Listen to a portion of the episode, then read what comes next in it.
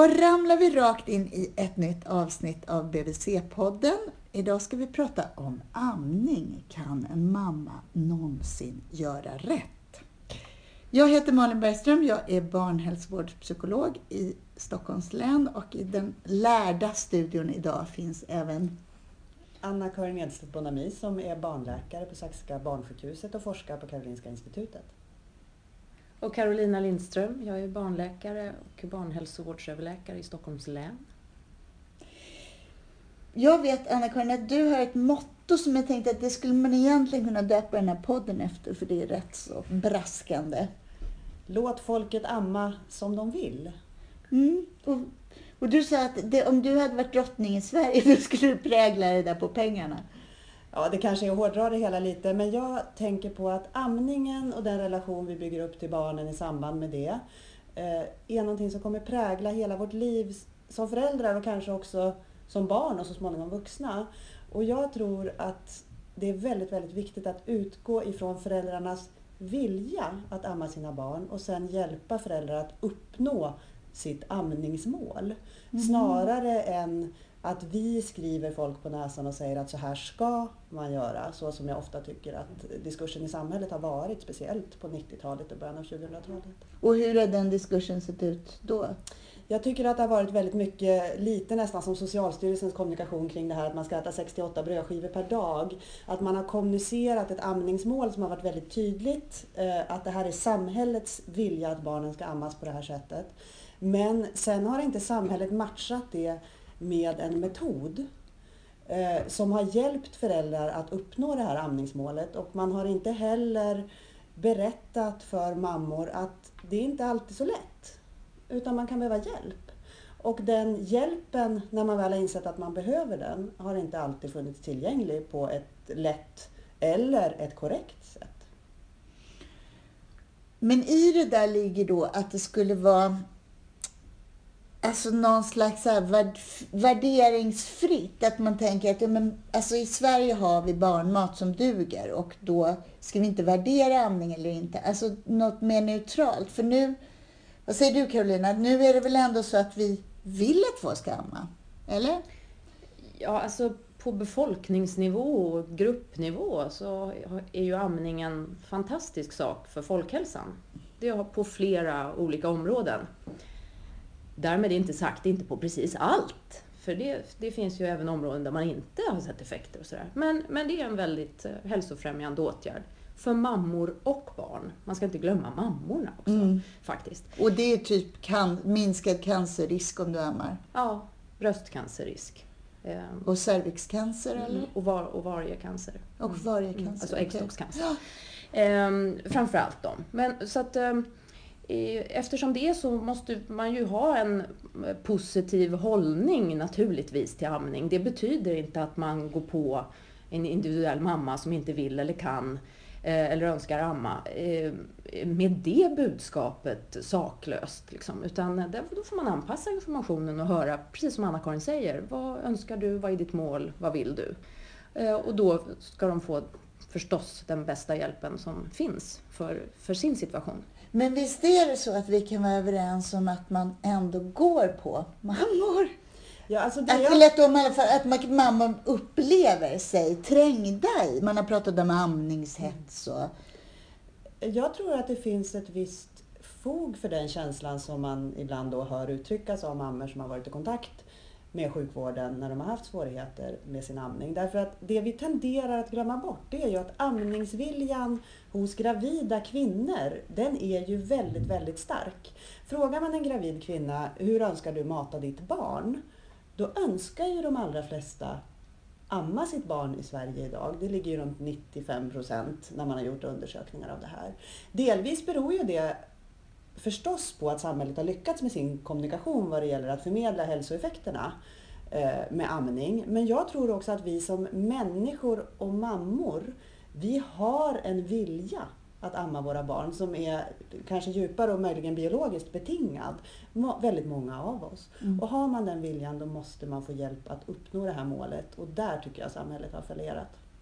Men du, hur skulle den slags viljan som skulle till och med kunna vara kopplad till ett biologisk drivkraft kring att ta hand om eller föda upp barn. Hur skulle det vara relaterat till alla starka känslor och alla starka åsikter och så som finns kring amning? Alltså det här är ju en väldigt svår fråga och man riskerar ju kanske att generalisera väldigt, väldigt grovt därför att man, det finns ju individer. Och det är ju två individer. Det är ju mamman som ammar och det är barnet. Och det här är ju personer som kan ha olika liksom, möjligheter eller ingångar eller vad man ska säga i det här eh, beroende på massor med olika faktorer. Men jag tror att det samhället riskerar att göra med den här starka inneboende viljan som kvinnor ger uttryck för, det är att förstöra den genom att inte ge rätt hjälp så ställer man till trassel som gör att den här viljan kan minska. Den viljeminskningen tror jag kan ske ganska akut om man inte erbjuder kvinnorna rätt typ av stöd och hjälp. Och upplever man att det finns ett starkt tryck, då kommer den inneboende viljan att amma, tror jag, att minska. Mm. Håller du med Carolina? Ja, och jag vill också komma in på pekpinnar och begränsningar som inte alltid har haft sin grund i forskning och vetenskap utan det har varit annat som har styrt och, och man har tolkat eh, forskningsrön alldeles för stramt och det har nästan varit lika illa att amma för länge som att inte börja amma alls eh, kan man uppleva som mamma. Alltså det, har, det, är en väldigt, det är ett väldigt smalt fönster där det har som okej okay för många kvinnor. Och det tycker jag är konstigt. Vad, vad, men vad tänker du kring, den, kring det då? För jag tänker precis så också, att det är ett litet smalt fönster som kan vara helt okej. Okay. Och det är typ att du ammar glatt och villigt utan att kolla i mobilen i sex månader och sen avslutas det här på något smärtfritt sätt under några månader och sen är det klart. Ja, ja precis. Att det, man inte ser att det är som en relation det handlar om. Mm. Som är, den är alldeles sin egen för varje mamma-barnpar. Mm och måste få ha sin, ja, måste få se ut på sitt eget sätt. Mm. Men vad, är vad tänker du kring att man inte, att det inte är utgångspunkten i amningsrådgivning då? Att man säger att det här är en relation som ni kommer bygga upp som är er amningsrelation liksom? Ja, jag tror att det är jag tror att under många år så har man inskränkt och velat sätta upp riktlinjer och det har blivit lite förfelat. Man försökte styra och strukturera upp hur varje kvinna skulle amma. Att man inte skulle amma för ofta utan det skulle, man skulle vänta och då skulle barnen, eh, trots att de var hungriga, få vänta och så trots att mamman ville amma och mjölken hade runnit till. Eh, och det där vet vi ju nu att det eh, inte var bra. Så att vi har inte det rådet. Men det, nu finns det andra råd, eller, eller, andra skrivningar som tolkas. Och det handlar om gränser för när man eh, ska börja med annan kost. Och då vet vi att vid sex månader är det dags. Och det ställer jag mig bakom. Det är dags vid sex månader. Mm. Man kan börja vid fyra månader med pyttesmå portioner. Eh, mm. Så det är också Livsmedelsverkets hållning i Sverige. Men vad har det egentligen Påverkar det amningsrelationen mellan mamman och barnet? Ja, men för vissa som ger råd och tar emot råd så blir det så, det blir så viktigt och allvarligt så att ibland överdriver man det där och blir stressad. Fast man kan luta sig tillbaka och ta det lugnt i många fall med ett friskt barn som både ammar och börjar äta. Hur länge kan barn leva på bröstmjölk? Enbart? Ja, eller liksom hur mycket måste man tratta i dem det där andra halvåret eller när det nu är man börjar? Är det där stress kring det eller kan man ha is i magen med barn som inte är så intresserade? Man kan, man kan absolut ha is i magen men man ska börja erbjuda barn mat. Eh, mm. och då, det ska man göra vid sex månader eh, så att de får börja vänja sig. Mm. Eh, och sen ehm, för vissa barn går det där eh, lätt och för andra blir det krångel. Men eh, i, de, i ovanliga fall när det är riktigt mycket krångel, då måste man förstås få alldeles särskild hjälp för det. Mm. Men jag tänker just kring krångel, jag tycker det är så intressant att du tar upp det här med krångel. Det är faktiskt ett ord som jag nästan inte tycker man ska använda i relationen mellan barn och mat. Därför att vi har en tendens att säga att barnet är krångligt om man till exempel inte äter en halv eh, burk av barnmat när man är sex och en halv månad. För man kanske har kompisar vars barn gör det och så.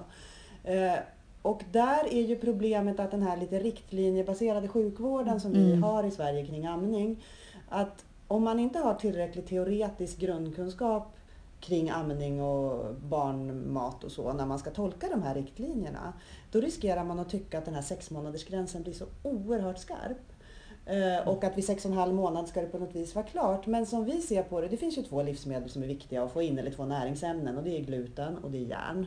Det är framförallt därför man måste börja med annan mat och så behöver tarmarna lite att jobba med.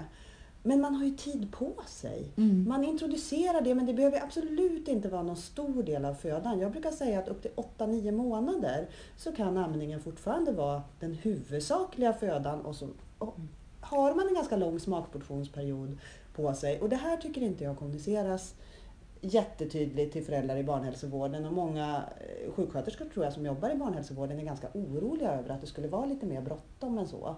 Och rätt ofta ser vi att tillväxtkurvan hos alla barn i den här åldern planar lite grann. Mm. Eh, därför att de är otroligt fysiskt aktiva och gör av med mycket energi. Men det är ingen fara. Skulle jag säga.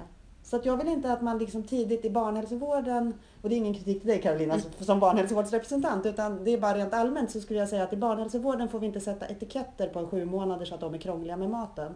För det riskerar att förstöra föräldrarnas liksom, syn på barnet och barnets relation till mat. Det kan, tror jag, sätta spår många år eh, framöver. Jag pratade med Sara Ask i en annat avsnitt av podden som är barndietist och hon sa att hon hon pratade om att introducera barn till matglädje. Mm. Det var så himla fint. Mm. Och sen pratade vi inte om det då, men jag har tänkt också att när det gäller de här Alltså det är uppenbart att barn behöver få i sig näring. Men det är också så att man tänker att man vill uppmuntra föräldrars alltså ögon på barnet kring när börjar barnet göra medrörelser och gapa när man själv käkar? Eller när försöker de sträcka sig efter något? Och om man lägger fram något och de kniper med munnen, att man har liksom is i magen kring att jag lägger fram det här tio gånger och tar den inte så.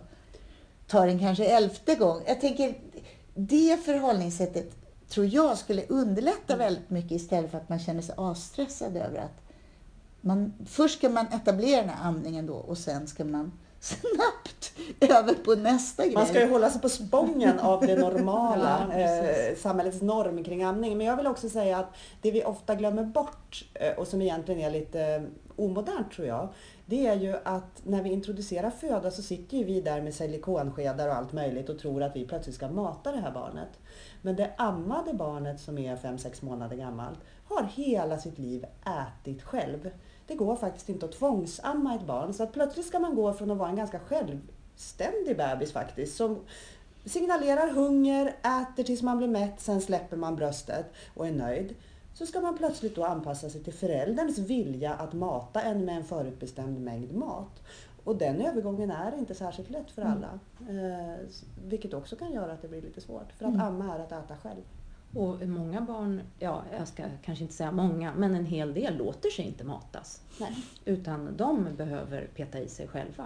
Mm. Och eh, det får ju vara eh, mjuka saker och det kan ju vara puréer som de får peta i och kladda i. Mm. När jag sa det är dags för sex månader, då menade jag, då tänkte jag inte på en sked som Nej. åker in i en mun. Utan jag tänkte på en bricka Mm. där det ligger eh, lite mjuka grejer, lite mosad mo- lite mosat och sådär, och några olika saker. Och vissa dagar kanske man inte vill röra den.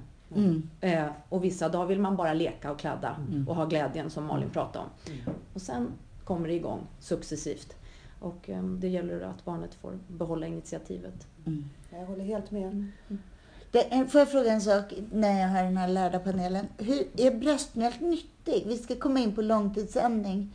Eh, och då vill jag bara fråga, är det nyttigt för barn med bröstmjölk när de är stora? Och med stora menar jag två, tre år? Vet man det? Du tittar på mig Anna-Karin. Jag tänkte, och jag tittar på dig. det här, det är härligt. Eh, Ja, Det är nyttigt. ja. Det är det. Det är en eh, bra eh, tårtbit i den kost som en, ett barn på något eller ett par år får i sig, enligt min uppfattning. Jag vet inte hur du ser på det Anna Alltså har man önskan att fortsätta amma länge så skulle jag ju säga att det finns ju inget som talar för att den komjölk vi ger till svenska treåringar idag på något vis skulle ha några fördelar över bröstmjölk. Mm. Därför att bröstmjölken, förutom att det är ett jättebra näringsämne med bra fettsyror och så för hjärnans utveckling, så innehåller ju bröstmjölk faktiskt också ämnen som skyddar emot infektioner det kanske inte spelar så himla stor roll på det hela taget om man får någon magsjuka hit eller dit när man är i treårsåldern. Men det är klart att även upp i åldrarna har ju bröstmjölken liksom ändå en liten infektionsskyddande effekt som man inte vet så mycket om egentligen vad det har för långtidskonsekvenser. Så även om man upplever den som lankig och blaskig när det kommer till äldre barn så, är, så finns det fortfarande näring i den. Alltså. Ja men det är det som är så härligt med bröstmjölk. Alltså, häller man upp bröstmjölk i en flaska och så tittar man på den då ser den ju ut som smutsigt diskvatten. Mm. Så här lite blågrå, nästan genomskinlig. Och gör man sen en näringsanalys på den så är ju även den blaskigaste av blaskiga bröstmjölkar innehåller ju precis lika mycket näring och energi och så som den här bröstmjölksersättningen som man köper och blandar i pulver. Trots att den ser väldigt mycket kraftigare ut så är den ju inte det. Vad intressant. Vad, vad, nu kommer vi in på det här med långtidsamning. Vad är att amma länge? Vad är långt? Oftast är definitionen att, att man ammar längre än ett år, alltså 12 månader. Mm. När man pratar om ja, långtidsamning eller prolonged breastfeeding. Är det i Sverige eller är det internationellt? Ja, det, det brukar beskrivas så internationellt. Men, men däremot ser ju många internationella rekommendationer, bland annat WHOs rekommendation ut så att man uppmuntrar till amning till två års ålder. Eh, man skriver det, man skriver två år. I Sverige skriver vi ett år eller längre, eller så länge mor och barn önskar, tror jag formuleringen är. Ehm, men, ehm, men man brukar, ja, upp över Men du år. tänker över året så är ja, det? Ja, Ja. Men, um, jag vet inte vad det har för... Men ja, oftast är det så. Och det, när man har gjort mätningar i studier globalt och så, då brukar man har man tittat vid 12 månader. Och det, det börjar bli väldigt intressant med de här 12 månaders siffrorna för det skiljer ju sig något oerhört över världen. Och det skiljer sig mm. också i Sverige. Men, men till exempel eh, är det bara 1 procent, eh, runt 1 procent av barnen i Storbritannien som ammas vid vid året? Ett års ålder, ja. Mot, och i eh, Sverige då? Ja, senast eh, någonstans eh, strax under 25 procent i, i Sverige. Så var fjärde ettåring ammas? Ja, ja enligt det som senare... Du håller med mig Anna-Karin? Det är att jag har sett, Vi kan titta på det där. Men... sett och hört att långtidsamningen ökade i senaste rapporten, men jag kan inte den mm. exakta siffran. Men det ligger ju högt och det beror väl på att vi har ett fantastiskt socialförsäkringssystem i Sverige med de här möjligheterna till långa föräldraledigheter som är ganska världsunika, tänker jag. Ja, jag måste vara lite försiktig och inte spekulera så mycket för jag har förstått att i de här mätningarna på, den, på, på amningen vid 12 månader så finns det en del felkällor eh, ah, okay. som har att göra med hur man registrerar det på ah. BVC och rapporterar in det. Så att, eh, men, men så att den där ökningen, tror jag, vi får väl se hur, hur det utvecklar sig åren framåt här. Men, eh, men då är det alltså rätt vanligt att barn ammas i alla fall ett år då, i Sverige. Så vet vi någonting? Vet vi hur många tvååringar som ammas eller treåringar? Nej, det vet vi inte. Vad skulle du säga Anna-Karin, vad är länge? Vad är långtidsamning för dig? Jag håller nog med, alltså vad det gäller definitionerna så håller jag med Carolina. Jag tycker dock att liksom i min kliniska känsla, om jag träffar en familj, så tycker inte jag att det är särskilt länge om de har ammat barnet i ett år. Det är mm. inte någonting som liksom jag tycker känns konstigt eller, eller som något extra länge. Och det kan ju bero på att vi har så pass bra långtidsamningssiffror i Sverige att det är väldigt vanligt att träffa mammor som fortfarande ammar sina barn vid ett års ålder. Eh, två, tre år, där börjar det bli betydligt ovanligare men man stöter ju då och då på, eh, på sin mottagning familjer som har valt att eh, låta barnen amma så länge och ännu längre. Mm. Ibland är det ju så att när nästa syskon kommer eh, så finns det ju i och för sig egentligen inga hinder för att fortsätta amma men det blir så pass praktiskt svårt därför att det mindre barnet måste hela tiden först få mm. mat före det större barnet att de flesta väljer att avsluta sin amning i samband med att de får syskon. Mm. Det finns ju också ett festligt begrepp eh, internationellt, eh, closet breastfeeding eller closet prolonged breastfeeding och det är att det blir eh, socialt mindre accepterat och man döljer det.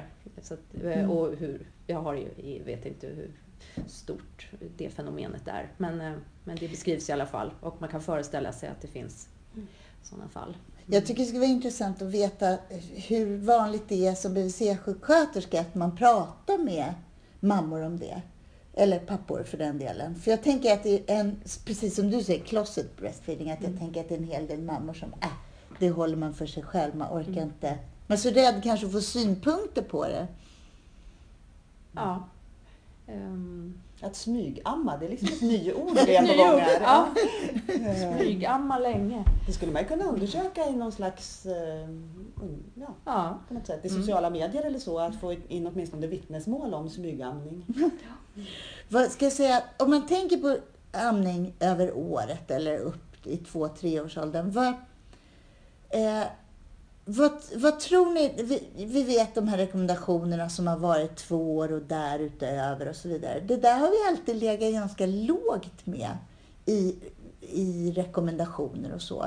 Vad tror ni att det beror på? Att, man, att vi inte uppmuntrar en amningskultur som är så lång liksom? Eller amningsrelationer som du sa Carolina så fint. Som är så långa.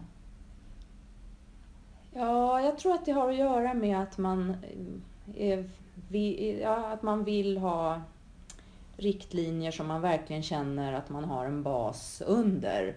Och då är det kanske så i vårt land och i höginkomstländer att hälsoeffekterna blir inte lika ty- tydliga i vetenskapliga studier när barnen blir äldre.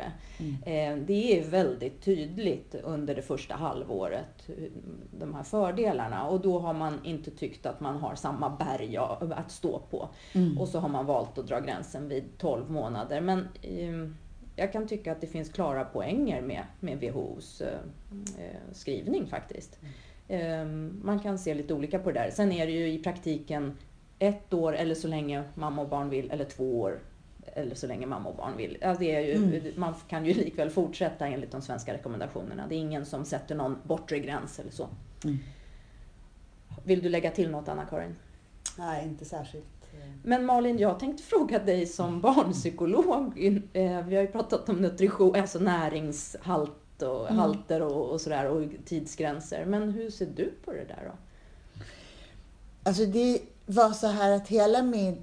Att jag överhuvudtaget fick ett jobb som barnpsykolog, det utgick från att jag skrev en artikel i Psykologtidningen i mitten av 90-talet om långtidsamning. För jag tyckte det var så himla intressant att eh, det, jag menar att det fanns en debatt bland psykologer som handlade om överinvolverade mammor. Där man på något sätt tänkte sig att det där skulle vara mammans sätt att binda barnet till sig, sa man eller så. Så att jag försökte få igång en sån diskussion för att jag ville, jag ville komma åt någon psykologisk teori som vid den tiden, ännu mer än idag, handlade om mamma-barn relationer och morsors betydelse för barn och så. Eh, och det blev som det blir när man tar upp saker som folk inte tycker är intressanta. Det blev helt tyst. Men däremot så var det en kollega som blev överentusiastisk, som också hette Malin, och som fixade ett jobb till mig. Hon tänkte att det där måste vara en bra psykologstudent som skriver sådär. Så att det, men, men jag har aldrig liksom riktigt fått... Alltså, jag vet inte vad kåren tycker. Jag tänker som någon av er sa förut, att det går inte, ja, det var du Anna det går inte att amma ett barn som inte vill amma. Nej, tvångsamma går ju nästan inte.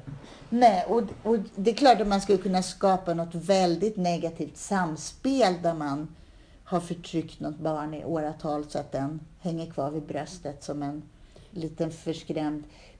Det skulle jag säga att det, det, alltså en sån relation, det skulle vara så uppenbart på så många sätt att den inte var hälsosam för barnet. Det stöter vi på i mellanåt. Det är absolut inte vanligt, men det finns ju kvinnor som inte mår psykiskt bra när man är nybliven mamma. Man kan bli deprimerad och så. Och där även det lite större barnet, kanske 6-7 månaders barnet som har behov av att få knyta andra relationer och aktiveras på ett annat sätt, ligger en väldigt stor del av dagen under täcket med sin mamma och ammar som någon slags tröst och stimulering. Mm. Och det är ju sånt som vi inom sjukvården jag skulle säga att vi kategoriserar det som att det här barnet är ett barn som far illa. Trots att det får det. väldigt mycket liksom Mm. närhet och det får den allra bästa av maten och att amning i grunden är något väldigt positivt. Så är det så att det här blir ju inte riktigt bra. Men tack och lov är det, så vitt vi vet, är det ju hemskt ovanligt Mm. att, att man är så. Det är också så att man kan ju som kvinna må väldigt psykiskt bra av att amma och det tycker jag man tappar bort lite grann. Det Mm. pratas ju väldigt mycket om hur psykiskt dåligt man kan må Mm. av en icke-fungerande amning och när man är nyförlöst och så. Men de allra flesta någon månad in i amningsperioden finner ju ett väldigt, väldigt lugn av att amma. Eh, och det beror ju så vitt man vet på det här hormonet oxytocin som är extremt rogivande och som gör att man lättare somnar om på natten och så. Så att jag tycker att det finns många uppfattningar i samhället kring till exempel hur dåligt man sover om man ammar sitt barn. Men tittar man på det i vetenskapen så stämmer ju det faktiskt inte. Utan kvinnor som helammar sina barn har lika god nattsömn som de som har ett barn som är helt flaskmatat. Mm. Däremot så är det ju en del som siktar på delamning. Det finns ju en jämställdhetsdebatt i Sverige som handlar om att man ska inte amma för att partnern inte kan ta ansvar på samma sätt då för barnets vård. Eh, och där tycker jag att man tappar bort att det faktiskt finns vetenskapligt stöd för att de mammor som sover allra sämst är de som delammar. Därför att det är väldigt svårt att få en bra rytm och ett bra samspel med barnet när man delammar vad det gäller just amningen. Vad är det för ålder du tänker på då? Då tänker jag kanske på en två månaders eh, Ah. eh, så den här tidiga liksom, amningsperioden när barnen fortfarande vill äta väldigt ofta på nätterna och vi vet att det ammade barnet äter oftare än det flaskmatade i allmänhet. Men i gengäld så får mammorna så otroligt mycket lättare att somna om tack vare det här oxytocinhormonet då, och man får också en högre sömnkvalitet. Mm. Inte alla. Återigen så vill jag absolut inte generalisera utan många. Vad tänker du Carolina om eh, mamma-barn-relationer, eller egentligen föräldrar-barn-relationer? Vad tänker du att det skulle kännetecknas av om man, om man ammar länge då? Ja, jag tror att det kan... Ja, det finns många svar på den frågan förstås. Men... Eh, eh, att barnet får liksom en tröst som verkligen fungerar. För så är det ju för många Mm. som ammar länge. Eh, när det till exempel är trotsigt eller argt eller trött eller kinkigt. Eller faktiskt, som vi inte pratar så mycket om, när de är lite småsjuka. Eh, Mm. och precis kanske har börjat förskolan i ett och ett halvt års åldern. Då är det ju rätt eh, fiffigt alltså att kunna ta en stund med ett sånt barn. De får energi av det, de får näring, de får tröst och de får liksom komma till ro. Mm. Så att, eh, men ja, så, så tänker jag att det, det är klart att det finns klara poäng. Man kan bryta eh, ett, ja, en kinkig situation eller Mm. när man inte känner sig riktigt på topp som litet barn med det där. Mm. Så att det, det, är, det kan vara ett effektivt sätt att hjälpa barn att reglera sig helt enkelt. Ja, det är väl det du säger ja. känslomässigt. Tänker jag. Jag tänker ändå att det du tog upp Anna-Karin, det är nog en sån sak som lever i mångas medvetande. Att ja, man kanske har mött det där eller man ser barn som inte alltså, som inte får utvecklas liksom utåt så. Och att det har påverkat synen på det där. Ja, kanske samtidigt så tänker jag att det är väldigt ovanligt. Det är extremt ovanligt förstås, men, men Och man kan ju också vända på det att för den förälder som mår bra och ammar sitt barn eller de mammor som mår psykiskt bra och ammar sitt barn så underlättar ju amningen vad det gäller att ha utåtriktade aktiviteter. Man törs kanske gå på den där sånggruppen på öppna förskolan därför att man vet att ja, nu blir lunchen lite förskjuten idag men jag har bröst att ta till. Man behöver inte förbereda en massa mat och ta med sig. Det blir ju enklare för de som har uppnått en, en fungerande amning. Ehm, så. Därmed inte sagt att det är enkelt för alla, för för en del är det ju verkligen, verkligen svårt att nå sitt amningsmål och det finns ju mycket sorg och skam och skuld och allt möjligt i det. jag tänkte vi skulle komma över på det. För att det är väl så att det, man säger att det tar ett par månader att etablera en amning. Vad säger ni om det? Ja, det där bollar jag till Anna-Karin. Det är ju väldigt individuellt skulle jag säga. Jag tycker att jag träffar, jag jobbar ju ganska mycket på vår BB-avdelning på Södersjukhuset. Och där träffar man ju ganska många mammor som faktiskt redan på BB har en välfungerande amning. Och som jag tänker, om inte något oförutsett inträffar, kommer fortsätta att vara välfungerande. Sen skulle jag säga att för det stora flertalet så är det ju en period av övningskörning Mm. med den här nyfödda individen. Och det är klart att det underlättar som mamma om man har ammat ett barn tidigare. Men varje barn som föds är en egen individ med egna beteenden, egna anatomiska förutsättningar. Alltså man kan ha olika stor mun och tunga och sugkraft och så som gör det mer eller mindre lätt för mamman att amma det här barnet. Ehm, och det gör ju att man måste ha lite tålamod för att jag tror faktiskt, jag blev själv mamma första gången när jag var ganska ung. Och jag hade nog inte funderat så mycket på det där med amning utan jag trodde att det skulle gå av sig självt. Mm. Att ja, men jag får en bebis och är den bebisen frisk och mår bra så kommer den amma. Och så Mm. blev det verkligen, verkligen inte alls för mig vilket har gjort att jag har intresserat mig väldigt mycket för det här området. Eh, Och där tror jag att samhället skulle tjäna väldigt mycket mer på att stötta kvinnorna under den här processen och att ge dem ett stöd som är vad vi kallar i sjukvården evidensbaserat, det vill säga som faktiskt helt säkert bygger på bästa tillgängliga kunskap. Men att man inte omsätter den här evidensen till pekpinnar, för det är det som lätt händer om man går ut och informerar på bred front om att så här ska det vara, så blir det lätt pekpinnar av det. Mm. Vad, skulle, vad skulle ett evidensbaserat stöd vara? Ja, det handlar ju om att vad vet vi egentligen? Vilka är nyckelfaktorerna vad det gäller att uppnå en fungerande amning? Och då skulle jag säga att alltihopa bygger ju på slutmålet, det vill säga barnet ska få i sig bröstmjölk. För att barnet ska kunna få i sig bröstmjölk så måste där finnas bröstmjölk. Eh, Och sen då i bästa fall kan barnet äta den här bröstmjölken själv direkt ifrån bröstet. Det är Mm. liksom de faktorerna som vi jobbar med. Eh, Och jag tycker att ibland så lägger vi för lite fokus på den här, vi måste hjälpa mammans bröstmjölksproduktion. För gör vi bara det så har vi all tid i världen att få det här barnet ammat ifrån bröstet. Mm. Om man däremot lägger jätte, jätte, jättemycket fokus på att få barnet att ta bröstet, att ligga vid bröstet hela tiden. Men man inte ger henne förutsättningarna för att få igång mjölkproduktionen. Då kommer det här bli en extremt frustrerande situation för den här mamman. Därför att man har verkligen känslan av att det här barnet ligger vid bröstet. Jag ägnar all min vakna tid åt det här. Det kanske gör ont. Jag blir ledsen. Jag blir stressad. Barnet blir stressat. Och ändå får den inte i sig någon mat. Mm. Eh, Och där märker jag ju också att jag är ju amningskonsult. Det finns ett internationellt specialistdiplom för det och jag har ett sånt. Och vi är ett gäng personer i Sverige som har det. De flesta är barnmorskor och så finns det några barnsjuksköterskor också. Vi som har den typen av utbildning, vi har ett väldigt gemensamt synsätt på det här. Vad är det som är viktigt? Vad ska vi göra nu? Var befinner sig den här familjen? Medan i sjukvården har det varit svårt att nå ut med det här synsättet för det krävs en lite större liksom, teoretisk förståelse och den teorin ingår inte riktigt i utbildningen idag till barnmorska till exempel. Det är otroligt lite teoretisk utbildning om amning.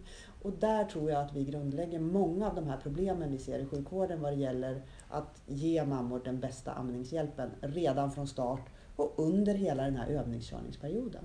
Så det menar du att det skulle man behöva nästan utbilda sig i på ett annat sätt då? Ja, jag tror man skulle behöva stärka den här te- teoretiska biten. Och jag vet att jag ska inte säga att det inte görs, för det pågår jätte, jätte, jättemånga bra initiativ runt om i Sverige. I Stockholm har vi nyligen fått eh, till ett projekt med en amningsmottagning som är lite mer specialiserad och erbjuder lite bättre tillgänglighet än tidigare. Eh, så att det finns många, många saker som pågår som är väldigt positiva, men det tar tid.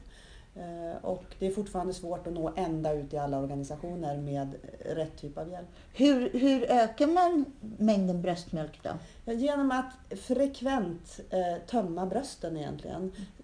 Till att börja med stimulera och det är det viktiga på BB att den där bröstmjölken den ser man ju inte mycket av på BB och det är också en missuppfattning. Jag träffade en mamma häromdagen som sa nej men jag har ju ingen mjölk än. Jag sa hur vet du det? sa jag. Men jag ser den ju inte. Nej, sa jag, det gör man aldrig de här första dagarna. Men så länge ditt barn vill suga på bröstet, vilket just hennes barn ville, och gör det rytmiskt med ett ordentligt tag, då får barnet i sig mjölk. Alltså barn är inte dumma, de ligger liksom inte och torrsuger på någons hud. Utan det finns ju en anledning till att de väljer att suga på just bröstet och det är att de faktiskt får något i utbyte. Men om man, om man nu inte får det där att funka med barnet, då ska man frekvent tömma det med pump. Ja, man kan börja med Eller med handstimulering hand, och ja. med pump. Eh, Och där tycker jag att det har, det har blivit mycket bättre i sjukvården. Det finns en ökad beredvillighet att ta till pumpen och att göra det på ett tidigt skede. Eh, För att problemet är att ju längre man väntar efter förlossningen med att ge den här typen av hjälp, desto svårare blir det. Och det här är särskilt påtagligt. Jag har jobbat ganska mycket med sjuka nyfödda barn. Och ibland väldigt sjuka, livshotande sjuka nyfödda barn. Och där tycker jag att man just inom den typen av verksamhet har varit liksom ännu lite trögare med att ge mammorna korrekt Mhm. amningshjälp. Därför att man har inte velat, när kanske barnet i värsta fall ligger och svävar mellan liv och död, så har man inte liksom velat komma och prata om amning. Eh, och där har jag försökt få ut ett budskap när jag undervisar om det här att det värsta som kan hända den här mamman om hennes barn dör, det är inte att hon fick möjlighet att faktiskt erbjuda sin bröstmjölk till barnet Mm. de dagarna barnet levde. Det kan vara av jätte, jättestor betydelse för den här mamman. Plus att om barnet överlever, vilket de allra flesta svårt sjuka barn gör, då är det ju fantastiskt att hon har fått igång sin bröstmjölksproduktion och att hon inte har behövt kämpa så himla mycket för det. För väntar man i tre, fyra dagar, alltså då startar man i uppförsbacke och det är inte riktigt schysst. Men det går. Det går, men ja, inte för alla. Nej. De som föder extremt för tidigt, det vill säga mer än tre månader för tidigt, har väldigt, väldigt mycket svårare att få igång sin produktion om man har väntat en tre, fyra dagar i början. Så som ofta fortfarande sker. Och jag tycker det är lite sorgligt. Så att, eh, men det är en liten grupp, men det är en grupp där bröstmjölken faktiskt är extra viktig. Mm. Vi pratar ju om att hälsoeffekterna i ett i-land kanske inte är jättestora. Men för de för tidigt födda barnen är hälsoeffekterna av bröstmjölk fortfarande helt oumbärliga. Eh, Och mer än halverar risken för en del dödliga komplikationer i samband med för tidig födelse. Mhm. Är det både om man är måttligt och mycket för tidigt född? Framförallt de mycket för tidigt födda barnen, de före vecka 32, så är det ja, ungefär, en, ja, vad ska man säga, ungefär halverad risk för till exempel något som heter nekrotiserande enterokolit som är en livshotande tarmkomplikation efter för tidig födelse. Så bröstmjölk är jätte, jätte, jätteviktigt för de sjuka barnen. Det budskapet att, att bröstmjölk är viktigt, det tror jag man får oavsett hur Ja. stor och frisk bebis man har. Hur är det då om man som kvinna, du sa att du, din amning inte satt som en smäck med första barnet och kanske ännu mer svårt, tänker jag, eh, om jag inte vill amma. Jag, jag tycker som psykolog att jag har reagerat på det där, att man har talat om kvinnor som väljer att inte amma, ganska snabbt kommit upp med så här, det är vanligare att man har liksom varit utsatt för övergrepp, man inte tycker om sin kropp. Eller, som förstås kan spela in, tänker jag, i sådana. Men det är ju ändå en ganska jobbig grej att höra om jag faktiskt bara har tagit ett medvetet jo- beslut att jag vill inte det där. Det känns inte bra. Det kanske inte förklarar hela mitt livshistoria eller min personlighet eller sådär. Men- jätteviktigt. Får jag, eller vill du? Ja, nej, men, ja, det är jätteviktigt att respektera ett sådant beslut. Det, är, det är framförallt det jag vill säga om det. Alltså, vad det än kommer ur. Mm. Vad, vad, tror du att, vad tror du att det är som gör att vi inte alltid har så lätt? Utan att vi åtminstone vill klämma in en liten följdfråga. Eller kolla att hon åtminstone har snappat att det där kunde varit något bra. Ja, därför att det har en stark känslomässig laddning för många som arbetar med barn och föräldrar och för, för många människor överhuvudtaget. Att, att eh, man blir då kanske nyfiken och undrar eh, hur det kommer sig att man når det här, eh, fattar det här beslutet. Och man vet inte om det är ett slutgiltigt beslut eller, och, och det här är ju väldigt få. Anna-Karin sa ju just att amningsviljan under, för gravida kvinnor på otroligt höga nivåer rent procentuellt. Mm. Men, men det finns ju de som du nämner som, Mm. som har bestämt och väljer det. Mm. Ja, jag håller helt med. Och det som jag tycker kan vara lite svårt det är att när vi kommer in som barnläkare och kanske träffar en sån här kvinna första gången på BB, då vet ju vi väldigt lite, eller ingenting skulle jag säga, om vad hon har fått för information innan hon har fattat det här beslutet. Mm. Eh, därför att det jag vet är ju att om man pratar om till exempel sexuella övergrepp, om det nu skulle vara det, så är det absolut ingenting som jag har lust att gräva i som barnläkare. Det ska vi inte göra. Däremot så vet ju vi att det är många kvinnor som kan bli väldigt nöjda med att de kommer på att de kan pumpa bröstmjölk tre gånger per dag och att det känns helt okej att mata på flaska. Och det som jag tycker blir, jag tycker det är lika svårt varje gång, det är att veta så här, ska jag ändå ställa någon följdfråga? Ska jag ändå ge henne den här möjligheten? Hon kanske inte ens vet att det går. Och för henne kanske det skulle vara att på riktigt nå sitt amningsmål Mm. eller sin amningsmöjlighet. Eh, och känna att ja, här gav jag ändå mitt barn Mm. det jag ville ge. Därför att vi vet att vad det gäller infektionsskydd till exempel så är delamning nästan lika bra som helamning. Så det kan verkligen tillföra väldigt mycket. Och vad det gäller bröstcancerrisk så skulle det minska hennes bröstcancerrisk att, att få producera den här bröstmjölken under några månader. Så att det beror lite på. Får jag väldigt bra kontakt då kan jag ändå liksom eh, våga fråga Mm. vad, vad, vilken typ av information eh, så, eller om de vill ha någon ytterligare information. Mm. Man ska absolut inte komma och pracka på folk information de inte vill ha, men man kan ändå fråga om de vill veta något mer. Ja, så det tänker jag att man kan ju fråga folk om, är det någonting du vill prata om? Ja. Eller har du några Eller- frågor om Ja. det här liksom valet eller vill du ha tips om, och där tycker jag också att där brukar jag ganska snabbt skifta. Därför att jag vet att det är väldigt svårt fortfarande i samhället idag att hitta adekvat information om flaskmatning av barn. Mm. Eh, Och också en hel del andra råd och rekommendationer vi har i BB-vården, till exempel att undvika napp tills amningen är etablerad. Det är ett helt korrekt råd. Men för de här barnen som flaskmatas redan på BB därför att mamman aldrig någonsin tänker att hon ska amma, de ska ju erbjudas napp så snart som möjligt. För det underlättar deras matsmältning och ger tröst och sugbehovet lindras och så, eller stillas och så. Mm. Så att, eh, det handlar ju om att individanpassa och också komma ihåg att den önskan man har och det beslut man eventuellt har tagit, det kan vara dagsfärskt. Mm. För både den ena typen, det vill säga de som ammar och de som väljer att flaskmata, det kan kännas helt annorlunda imorgon. Mm. Man kan ha gått runt hela graviditeten och tänkt att man ska flaskmata och sen föds barnet och så blir man bara alldeles överväldigad och känner att det naturligaste i världen är att amma det här barnet. Mm. Så att det är färskvara och det tycker jag vi missar. Vi läser en gammal journalanteckning och tror att det här Mm. är som det är idag. Eh, Så att våga närma sig det där och nosa på det med all respekt för om Mm. den här kvinnan eller familjen har Mm. lust att prata om det eller Mm. inte. Eh, vad, du berättade Anna-Karin vad ditt amningsintresse, hur det vaknade. Hur var det för dig Carolina? Ja, alltså jag har haft en väldig räkmacka, alltså förstår jag. Mm, Jag har ju tre barn. Ehm, så att, ehm, men däremot har jag ju fått blickar i samband med offentlig amning Mm. och sånt där. Så att de där attityderna kan jag känna av. Men jag har också, de som tog hand om mig på BB och förlossning och BBC, de lät mig vara väldigt mycket. Mm. Någon enstaka klok så här, person var med och rättade till något någon gång. Men annars fick jag sköta det där själv och för mig var det väldigt bra. Och ehm, ja, ja fungerade alldeles utmärkt. Eh, Jag ville, inte ha, jag ville inte diskutera det där så mycket och verkade inte behöva det. Det låter ju liksom som någon sorts idyll kanske. Men eh, jag hade väl kanske tur. Eller eh, anlag för att, eh, Ja, men du var ju en klicka. av de här jag klicka. pratar om, de här Ja. man träffar redan på BB-ronden där, de, där man frågar och allt går jättebra, barnet äter mjölk och det är inget ont i brösten och det är inget sårigt och de samspelar och barnet signalerar och allt är fantastiskt. Själv satt jag på BB och grät vid tre Mm. dagars Mm. ålder och var helt övertygad om när min mamma kom på besök att mitt barn faktiskt på fullaste allvar höll på att svälta ihjäl. Och det kanske han höll på att göra faktiskt för han hade inte fått i sig någon mat överhuvudtaget på tre dagar.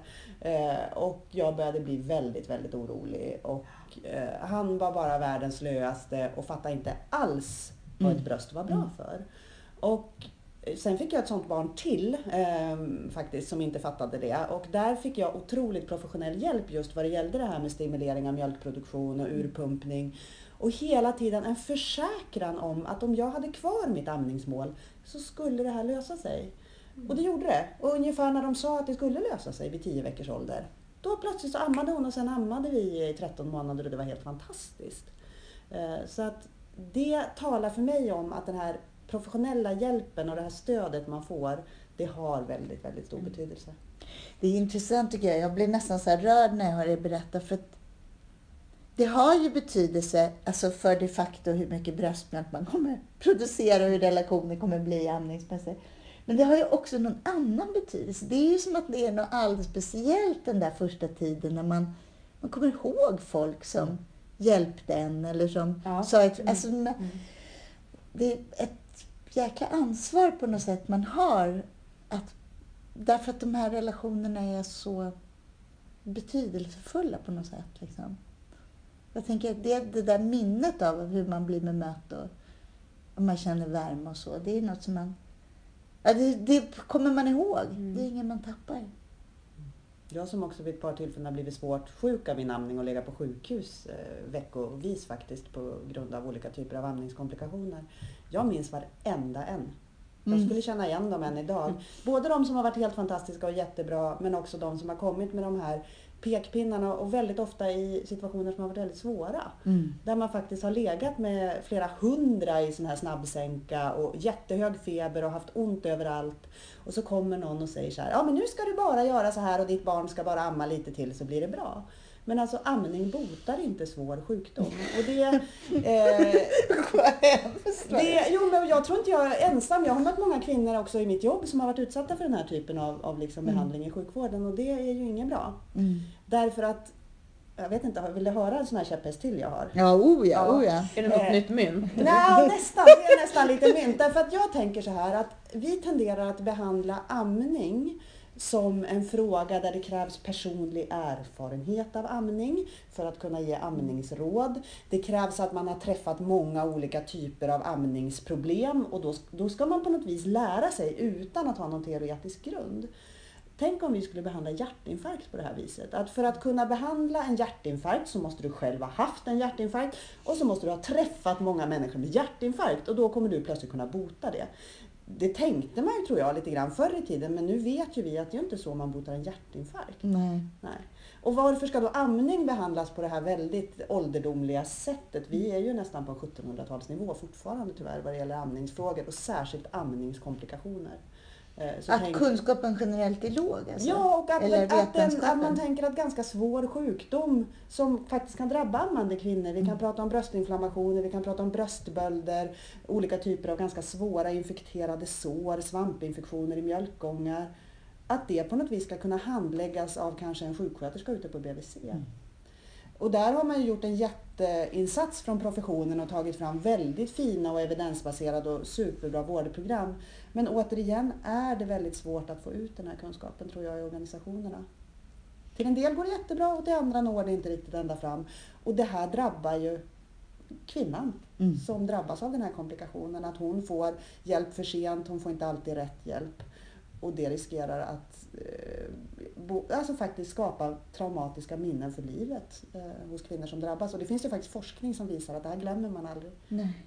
Eh, Tycker du att amningen är styr, amningsämnet är styvmoderligt behandlat på grundutbildningarna? Läkarutbildningen och sjuksköterskeutbildningen. Kunde du ha, få mer Det är svårt för det måste ju komma in, tycker jag, i, i rätt fas. För att den här typen av kunskap tror inte jag man kan tillgodogöra sig innan man befinner sig i kontakt med de här patienterna och de här barnen. Mm. Så frågan är lite på vilken nivå det ska komma in. Jag har själv föreläst lite på såna här fördjupningskurser i till exempel neonatologi, alltså nyföddhetsmedicin. Och där ligger det ganska bra därför att då träffar man läkarstudenter som går extra BB-ronder eh, och träffar nyfödda barn och träffar kvinnor och så eh, i förlossningsvården. Och då märker man att de kan tillgodogöra sig kunskapen. Så att jag tror att det handlar mycket om timing men också att det måste finnas, för det finns ju inte idag i grundutbildningen till läkare. Det finns ingen som helst praktisk amningskunskap.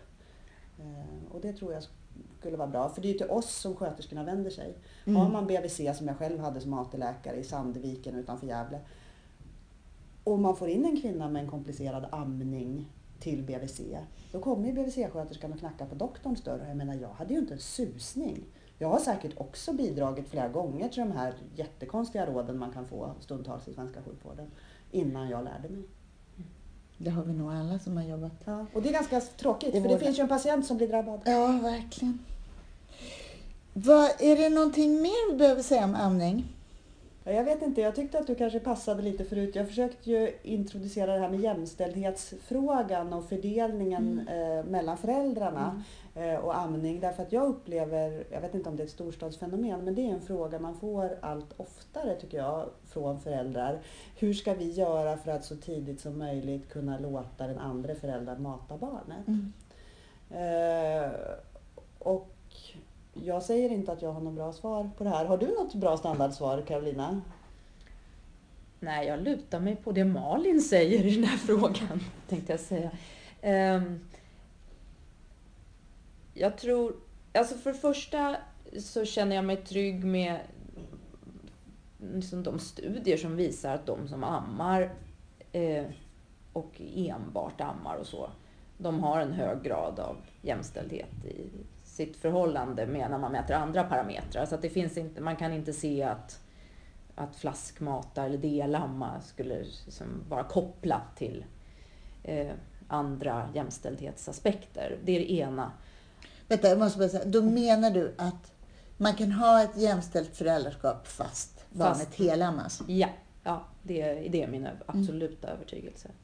Och den andra aspekten? Ja, nej men det är då att eh, Eh, som pappa kan det där vara något man kanske behöver bolla med andra pappor eller, och, och, eller eh, kompisar och så. Hur ska man se på det där? För att man kan ju förvänta sig att det här med att mata är en, väl, en så viktig del av föräldraskapet att man inte vill gå miste om det. Och jag tycker det är viktigt att man, får, liksom att man är öppen för sådana frågor när man möter föräldrar. Ehm, men att den här, den här relationen och, som amningen innebär mellan mamma och barn.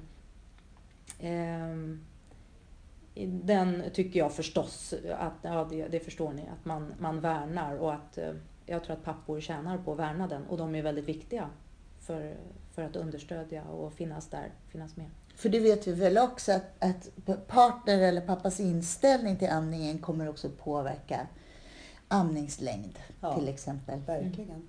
Och sen tänker jag att man kanske lätt, jag har ju aldrig varit pappa eh, eller medförälder, men jag tänker att man lätt kan känna sig lite sysslolös och utanför de här två första veckorna när man går hemma med det här nyfödda barnet som kanske tillbringar en väldigt stor del av tiden vid bröstet och att det är svårt att hitta sin roll i det här. Eh, och jag brukar ofta ge några exempel just när folk frågar vad kan jag göra då? Mm. Dels kan ju pappan vara hud mot hud emellan amningarna med barnet. Det mår ju barnet väldigt, väldigt bra av och det stärker ju pappans anknytning till barnet. Men sen också de här praktiska aspekterna. Alla kvinnor som har ammat vet att man kan bli akut törstig på ett sätt man aldrig har upplevt i hela sitt liv. Eh, och att man aldrig har ett glas vatten när det händer. Och det är en väldigt sån enkel sak som en pappa kan göra när man går hemma. Så fort din fru eller sambo sätter sig ner och ammar, så ta fram ett stort glas vatten och ställ bredvid henne. Och då får man liksom en konkret uppgift Mm. som, gör, som är helt jätteviktig för att hon ska kunna amma överhuvudtaget. Eh, och som faktiskt gör att man bidrar bägge två till barnets matning. Det kan Ja. vara en sån sak. Jag tänker också att alltså det finns en massa biologiska faktum som vi måste acceptera, som är olika här. Som att det är en mamma som kommer att bära och föda det här barnet, om man har biologiska barn. Och det är hon som kommer att amma det. Och så vidare. Det, det, jag, tänker att jag blev förvånad när jag började jobba inom barnhälsovården att man det fanns så mycket besvikelse kring brist på jämställdhet. Liksom, som att jag, tänk, jag tänker inte på jämställdhet som att den behöver vara just det där biologiska. Utan jag tänker att det handlar också om engagemang och så. Och sen att varje förälders tid kommer på något vis. Det tycker jag att man inte vet när man får sitt första Mm, barn. så är det. Eh, för jag har nog tänkt att om mitt barn är så här mycket med mig och är så beroende av mig för tröst det här första halvåret, men hur ska det gå sen då? Mm. Kommer det vara jag hela livet och när ska min man komma in? Och så. Men så har det ju absolut inte Mm. varit utan det har man ju även med lite större per, barn, perioder då man är mycket mer mammig och perioder då man är mycket mer Mm. med den andra föräldern. Ehm, och det är ju svårt att se in i framtiden och särskilt när man får sitt första Mm. barn. Hur kommer det här bli för oss?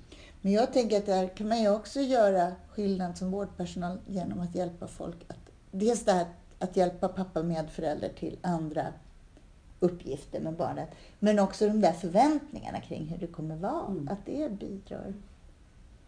Och jag brukar tänka att i början när man har ett helt nyfött barn, som det är med det nyfödda barnet och den relation man har precis när barnet är nyfött, så är det den dagen. Mm. Sen är, varje dag är en ny dag med det nyfödda barnet.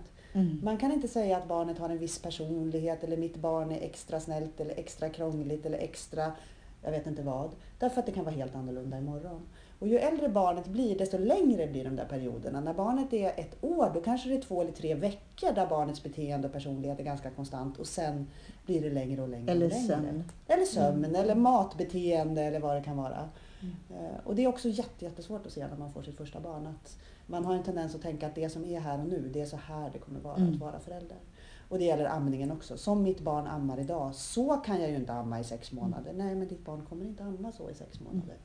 den kommer amma på ett annat sätt redan nästa vecka. Och det tycker jag också vi är lite dåliga. Det är väldigt svårt att informera om det. Det är jätte- jättesvårt. Det att- där tror jag finns, det finns studier som visar att man har försökt informera om sånt under graviditeten Ja. och att det har typ noll bäring för ingen kommer ihåg. Nej, det är lite lättare när barnet är fött men inte särskilt mycket mer når man fram då. Och också, det gäller ju mycket i föräldraskapet oron också. Man är ju väldigt orolig för sitt barn och det är naturligt att vara det.